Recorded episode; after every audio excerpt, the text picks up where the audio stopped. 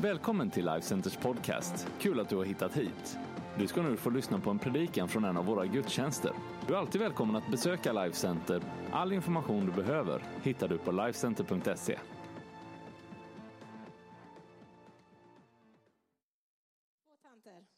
Ja. Så, varsågod och sitt. Det är ju helt fantastiskt roligt att få stå här idag. Och jag ska börja med att säga att vi talar ofta om att vi bygger kyrka och egentligen så är det så här att i Bibeln så står det att Jesus bygger sin församling. Så egentligen är det inte vi utan vi får vara med. Men nu bygger vi faktiskt kyrka för vi håller på och bygger om i Kids.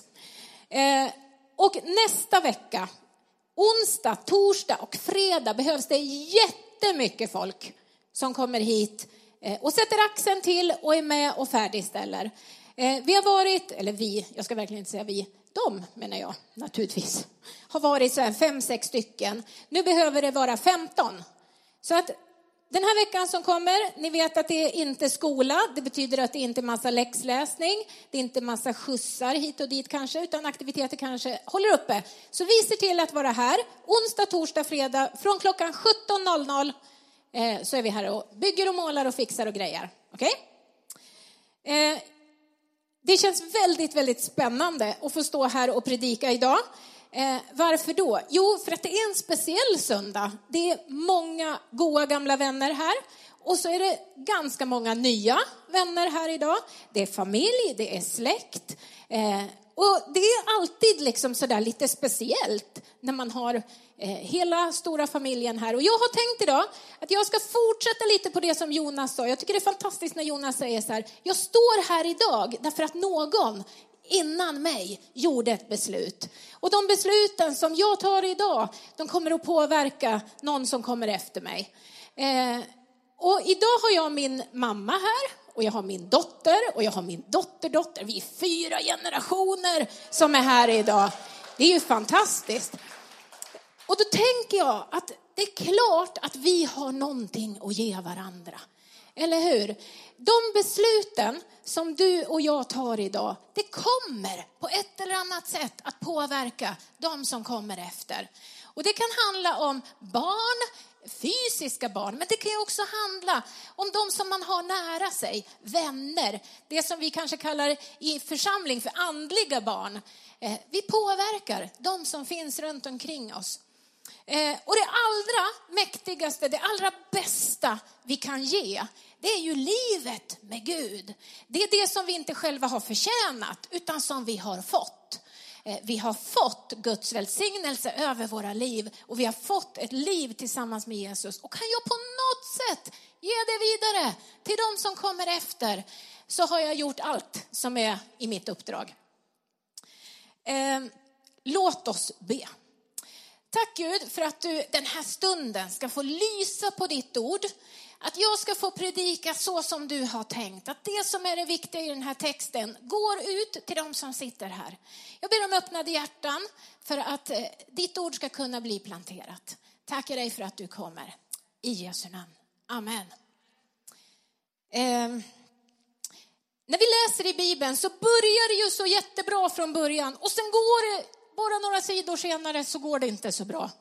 Eh, Gud hade en stor plan och en stor tanke Eh, men han skapade människor och människor är människor. Så redan från början nästan så gick det en annan väg än det som kanske var liksom grundtanken. Eh, men Gud, han är ju Gud. Och Gud har sin liksom tanke för räddning för hela mänskligheten. Den har han direkt klar. Det kan inte gå helt åt fel håll, utan det finns en plan i Guds huvud, på Guds hjärta för hur mänskligheten ska kunna räddas fastän de få människorna som de var då, som ändå hade liksom någon slags ansvar, gick åt fel håll. Eh, och då står det så här, nu ska vi läsa några texter. Idag blir det i Gamla Testamentet. Eh, det är ju inte varje dag man är där liksom och krafsar, men jag tycker att det finns mycket gott för oss idag att hitta i Gamla Testamentet. Då står det så här i Första Mosebok 12. Det är ju så här tidigt, jättetidigt. Mm. Herren sa till Abram, Gå ut ur ditt land och bege dig till det land som jag ska visa dig. Där ska jag göra dig till ett stort folk. Jag ska välsigna dig och göra ditt namn stort och du ska bli till en välsignelse. Innan det så vet vi ingenting om Abraham. Vi vet bara vem han var släkt med. Vi vet inte om han liksom, vilket liv han levde, vi vet inte eh, vilka vägar han hade gått på. Vi vet egentligen ingenting. Eh, men när man läser så får man ju ändå känslan av att Gud och Abraham, de kände varandra. De hade mötts tidigare, de hade talat med varandra. Eh, Abraham kände Gud och visste hans vägar. För vad hade hänt annars? Om Gud hade liksom kommit så här, eh, det är ju inte så mycket försnack, liksom, utan det är så här, gå till det land jag ska visa dig. Hade vi inte känt Gud, hade man inte någonsin hört Guds röst, då hade man förmodligen fallit död ner. Men det gör han inte. Eh, utan eh, det här är någon, någon som känner Gud som får det här tilltalet. Och vem är Abraham? Abraham är en vanlig, ofullkomlig människa, precis som du och jag. Men han blir ändå utvald att vara en förebild, som vi läser om idag. Långt, långt, långt, långt, långt senare. Eh, och ett exempel på vad som händer om man håller fast vid Gud, vid Guds vägar och går på de planer som han liksom visar. Eh, Gud, han var ju på jakt efter en människa. Han hade sin frälsningsplan klar, han hade sin räddningsagenda, men han var på jakt efter någon människa som kunde bli stamfar, den första för en ny släkt, ett stort folk. Eh, och då väljer han Abraham. Och det som är så superintressant, många av oss kan den här storyn, men Abraham, Abraham hade inga barn. Han hade inte fått några egna fysiska barn. Han har det liksom fysiska emot sig och ändå så är det honom Gud tittar på. Alltså du och jag, vi kan ha fysiska saker emot oss, vi kan ha ekonomiska saker emot oss, vi kan ha så mycket hinder som står liksom egentligen i det mänskliga emot. Och ändå så kan Gud välja både dig och mig, precis som han valde Abraham. Eh, för det som är med Abraham, han bodde i en stad, det här är också kul, som heter Ur. Och så säger Gud, gå ut ur Ur. Det är ju bara, man får vara glad att man hänger med. Eh, och i den här stan så var det många olika gudar som dyrkades. Men Abraham var någon som stack ut. Han utgjorde ett undantag. Och jag tror att det är så här att Gud, han spanar liksom. Och han ser de som utgör undantagen. De som inte bara hänger på liksom. Nej, men nu är det new age, nu är det det, nu är det det, nu är det det. Och som flaxar runt. Utan de som faktiskt står kvar i det som de har fått tag i. Och vad var det då som var så speciellt? Eller vad var det som var att han utgjorde ett undantag? Han var en rättfärdig man. Och vad betyder att vara rättfärdig? Han kände Gud, han gick på Guds vägar, han levde efter Guds principer. Eh, han lyssnade när Gud talade. Han var i närhet med Gud, han var vän med Gud. Eh, han förstod inte allt för att han var en människa och Gud är Gud. Men han hade ändå valt att, att leva det livet. Eh, och han bar och levde sin tro. Och hans förfader, eh, om man ska gå liksom tillbaka då, det var Noas son som var liksom i rakt nedstigande led. Och han hade ju fått det här med sig. Jag förstår ju det. Någon hade ju varit före honom. Det var inte han som var den första liksom, att få tag i tron, utan någon hade gått före. Någon hade matat honom, någon hade visat honom, någon hade pekat åt honom. Eh, och han levde den tron. Och han var övertygad i sin tro. Så när Gud säger, lämna det här landet, lämna din trygghet, lämna det som är dig kärt, lämna det som du känner till. Då är det inte så att han säger så här, hej, vänta, nu ska vi förhandla du och jag. Utan om vi fortsätter att läsa så står det så här bara i vers 4. Abraham begav sig iväg som Herren hade sagt till honom.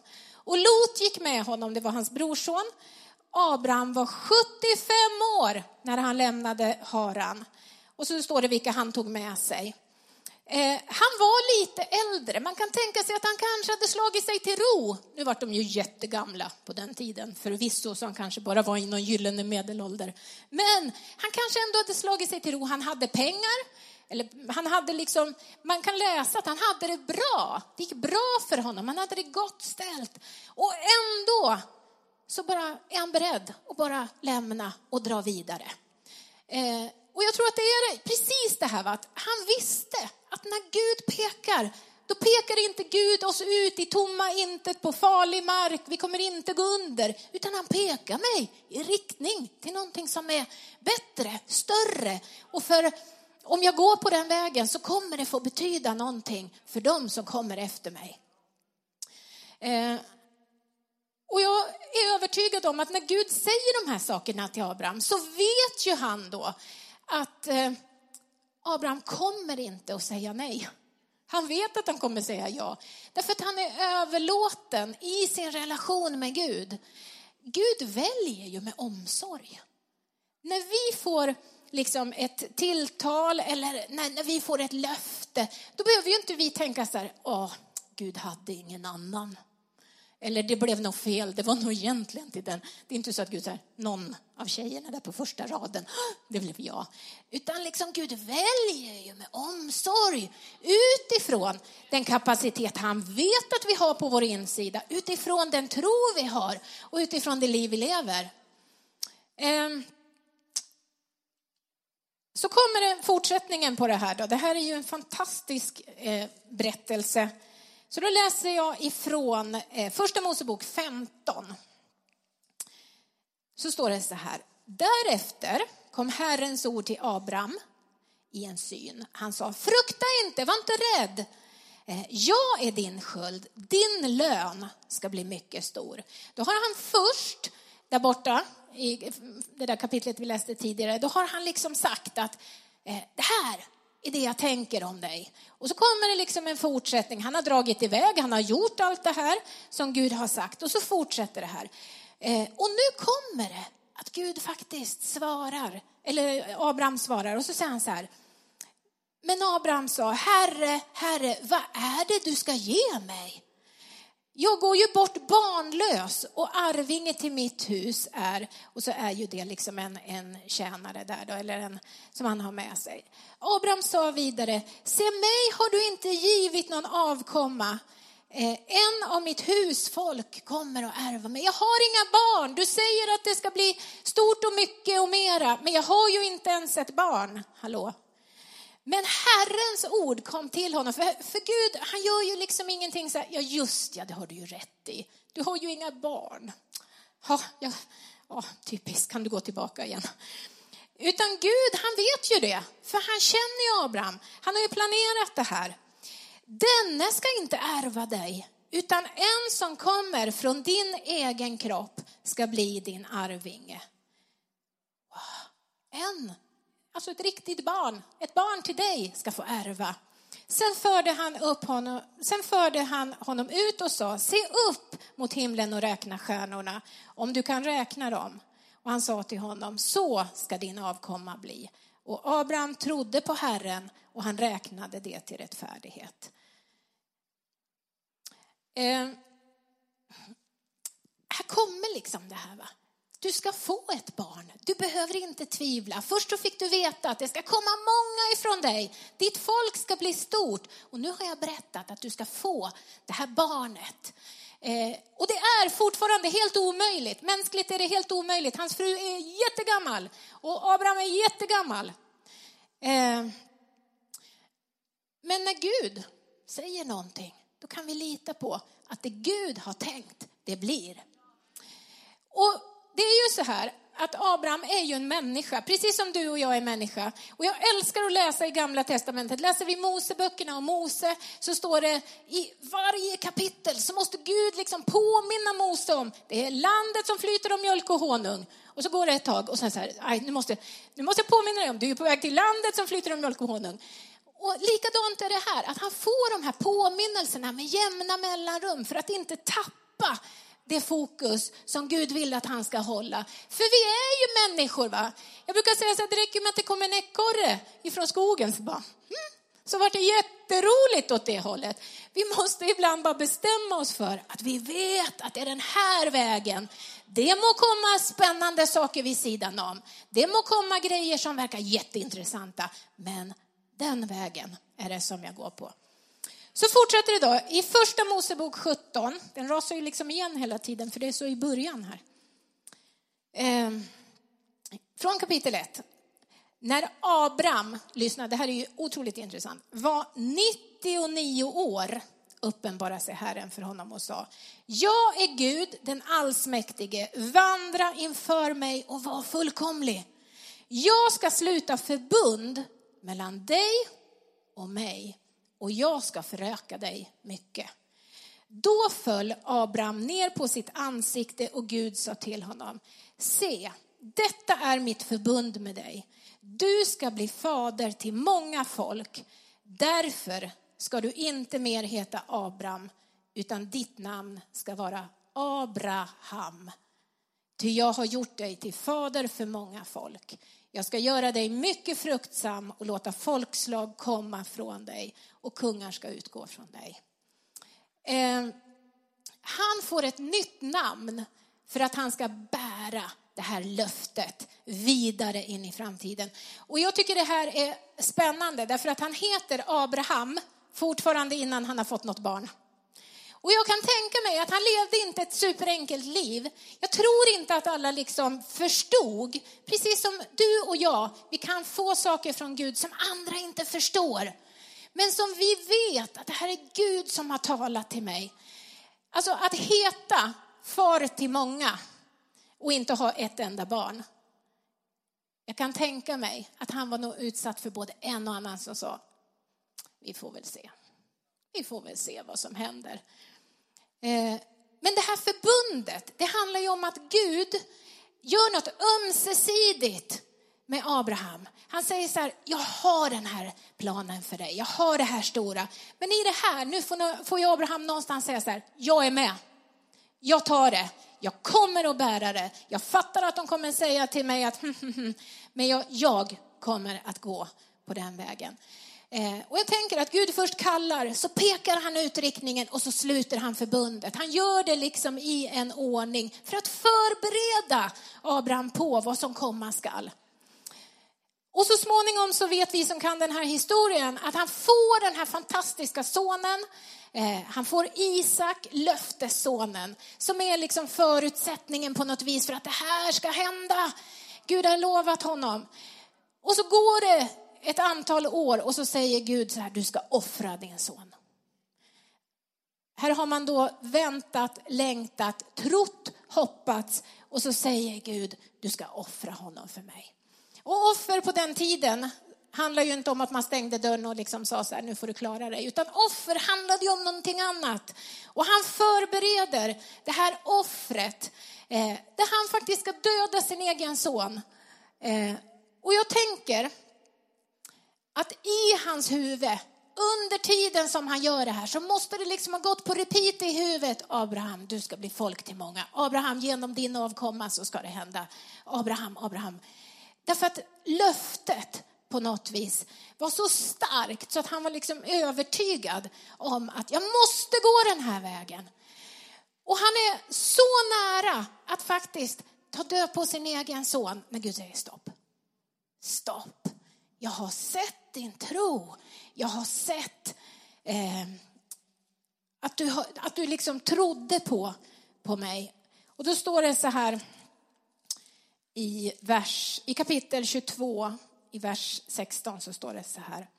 Jag svär vid mig själv, säger Herren, eftersom du har gjort detta och inte undanhållit mig, din egen son, ska jag rikligen välsigna dig och göra dina efterkommande talrika, som stjärnorna på himlen och som sanden på havets strand. Och din avkomma ska inta sina fienders portar. I din avkomma ska alla jordens folk bli välsignade därför att du lyssnade på min röst. Det fanns ju någonting i det här. Du lyssnade och jag välsignar. Du trodde på det löfte jag redan hade gett. Ehm.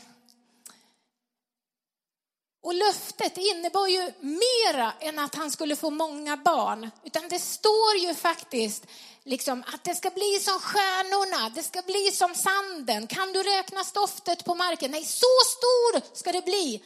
Där fattade ju han redan då så här, det handlar inte om mina fysiska barn. Jag kommer aldrig få så många fysiska barn. Och det står faktiskt i Romarbrevet att man skulle ärva världen. Det handlade om hela världen. Och det det faktiskt handlar om, det är det nya förbundet med Jesus Kristus som kopplar tillbaka till det förbund som Gud sluter med Abraham. Och tänk då, om Abraham hade tänkt så här, ah, jag tar en annan väg. Men jag tror inte att det var möjligt, därför att jag tror att Gud, han väljer med omsorg. Eh, vi har så lätt att tänka så, så här, ja vilken tur att jag sa ja. Fast Gud vet vem han ger saker till. Han vet att när han ger det just till dig så ger han det till dig därför att du är villig att säga ja. Du är inget tredjehandsalternativ. Eh. Och sen gick det ju verkligen upp och ner i generationer för vi pratar ju om Abraham, Isak och Jakobs Gud. Jakob som så småningom blir Israel. Eh, men det, det var ju många generationer, ibland jättenära Gud, ibland jättelångt bort. Och ändå så står löftet kvar. Löftet är liksom större än att det går lite framåt tillbaka. Att eh, det gick lite si och lite så. Eh, och i den här texten så tänker jag så här, ah, är det här en text från Gamla Testamentet? Ja, det är det. Det var ju inte så svårt att svara på. Ja, det är det. Kan jag lära mig någonting av den här? Absolut. Det är en fantastisk berättelse om en man som får vara med om att eh, bära ett löfte om en välsignelse som ska rädda världen och som slutar med det nya förbundet när Jesus Kristus kommer ner från himlen för att rädda hela mänskligheten. Och varför blev just han utvald? Jo, för att han var rättfärdig. För att han levde efter Guds vilja, för att han kände igen Guds röst, för att han hade varit nära Gud, för att han visste att när Gud pekar så kan jag gå. Och jag tror att du och jag, vill vi vara en del av Guds plan för min släkt, för mina vänner, för de som kommer liksom efter mig. Vill jag få vara liksom till, eh, eller betyda någonting, då behöver jag ta Abraham som ett exempel. Eller hur? Då kan jag titta på honom. Han levde rättfärdig.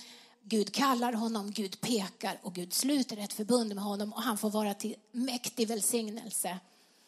Och jag tror att det är så här att Gud, han är försiktig med hur han paketerar uppdraget.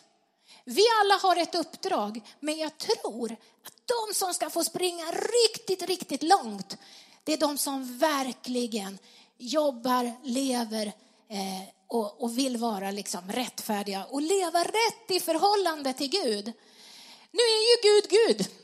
Så att jag tänker inte stå här och gå i god för honom, utan han gör som han vill och han ger uppdrag till vem han vill.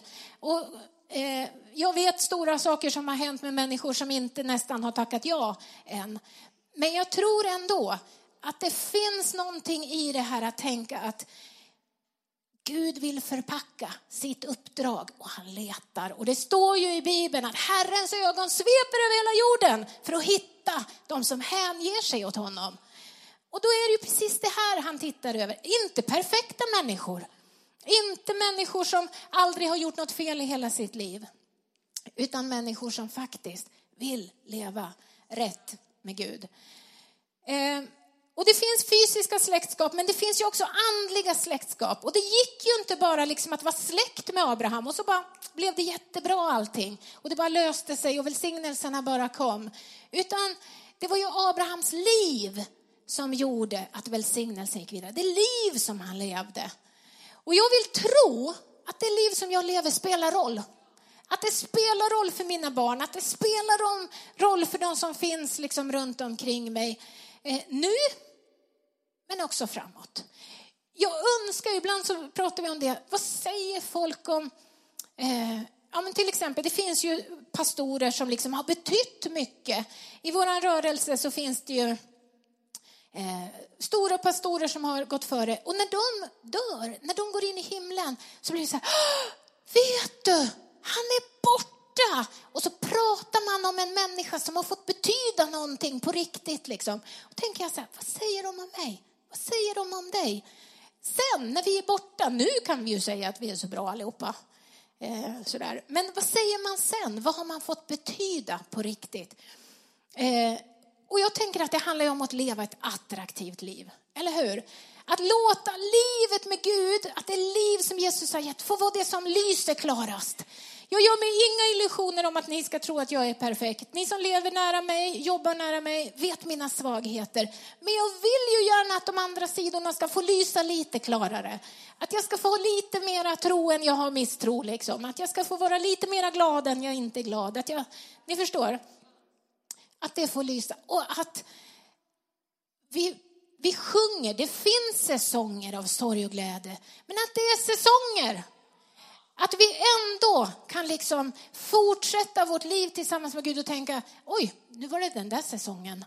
Eh, den är inte så rolig, men jag vet att där borta så kommer det. Jag håller fast vid det som Gud har sagt. Och sen det andra då, tro att löftet gäller dig. När Gud ger någonting, när han gav till, till Abraham, så var det ju inte så att Abraham tittade sig om axeln och tänkte så här, nej men det här var nog inte till mig. Han hittar nog ingen. Ni vet de här gångerna så här, ja det har ju aldrig hänt mig då, men, eh, men om man tänker så här, eh, jag har varit med om det, så kan man säga. Ja, nej, men nu har vi frågat den och den och den och den och den och de kan inte sjunga på mitt bröllop, skulle du kunna? Ja, men tack ska du ha för förtroendet liksom. Då är man av femtehandsalternativ liksom. Och någonstans så tänker jag att när Gud talar och när Gud säger du, det är dig det handlar om, då handlar det om dig. Då handlar det inte om grannen, då handlar det inte om någon annan, då handlar det om dig. Och då gäller det ju att liksom hålla fast det där och gå på det. Eh, och tro att det Gud har sagt, det kommer han också hålla. Och vi kan ju ibland tänka, men jag tänker, han hade det fysiska emot sig. Han kunde inte, de kunde inte få barn. Och ändå så säger Gud, det är genom dig, genom din avkomma, ditt fysiska barn som det här ska ske. Och någonstans tänker jag att eh, lite motigt, lite säsong, lite sådär och ändå så hålla fast i den där då.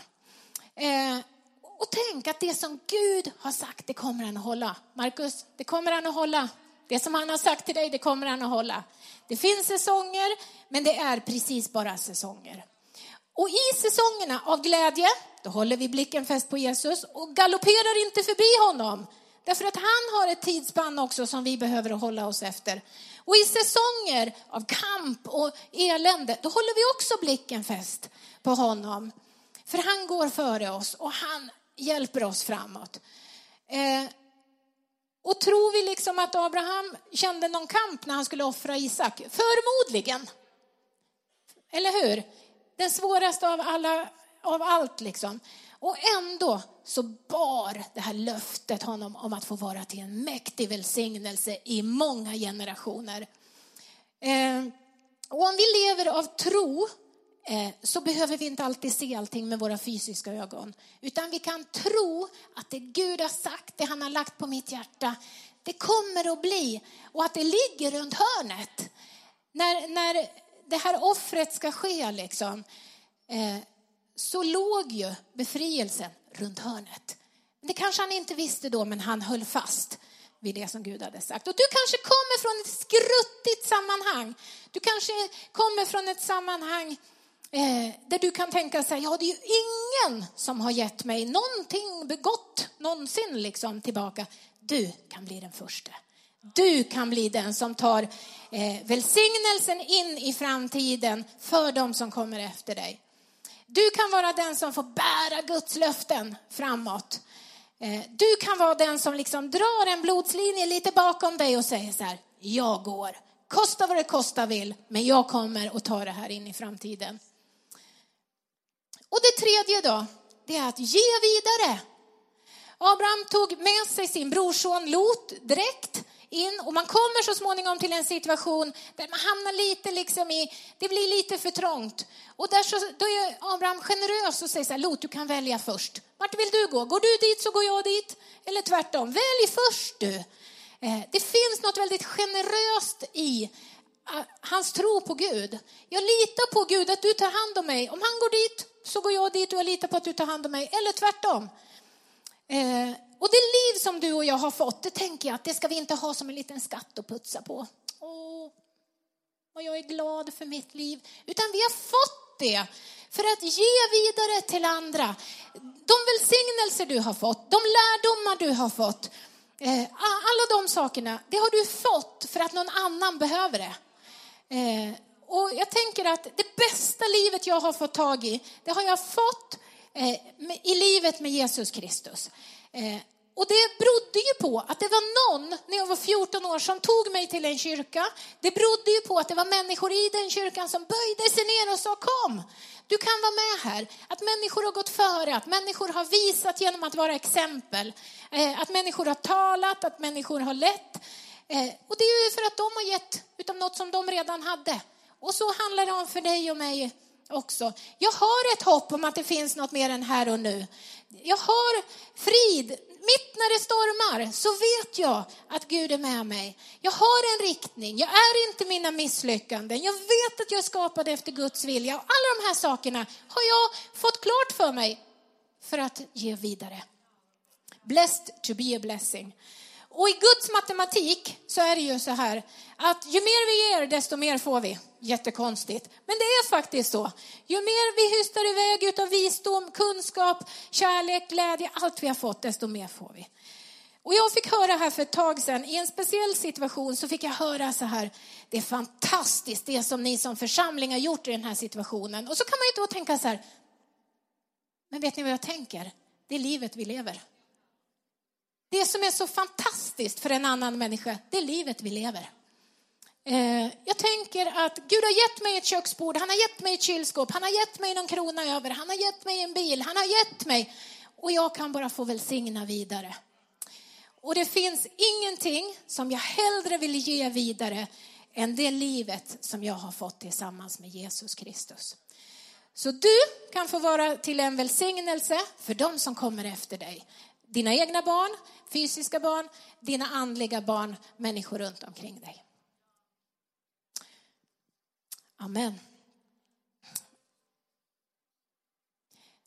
Jag tackar dig Gud för att du idag, Herre, vill tala in i människors liv, Herre. Jag tackar dig för att du idag vill ge löfte om välsignelse framåt.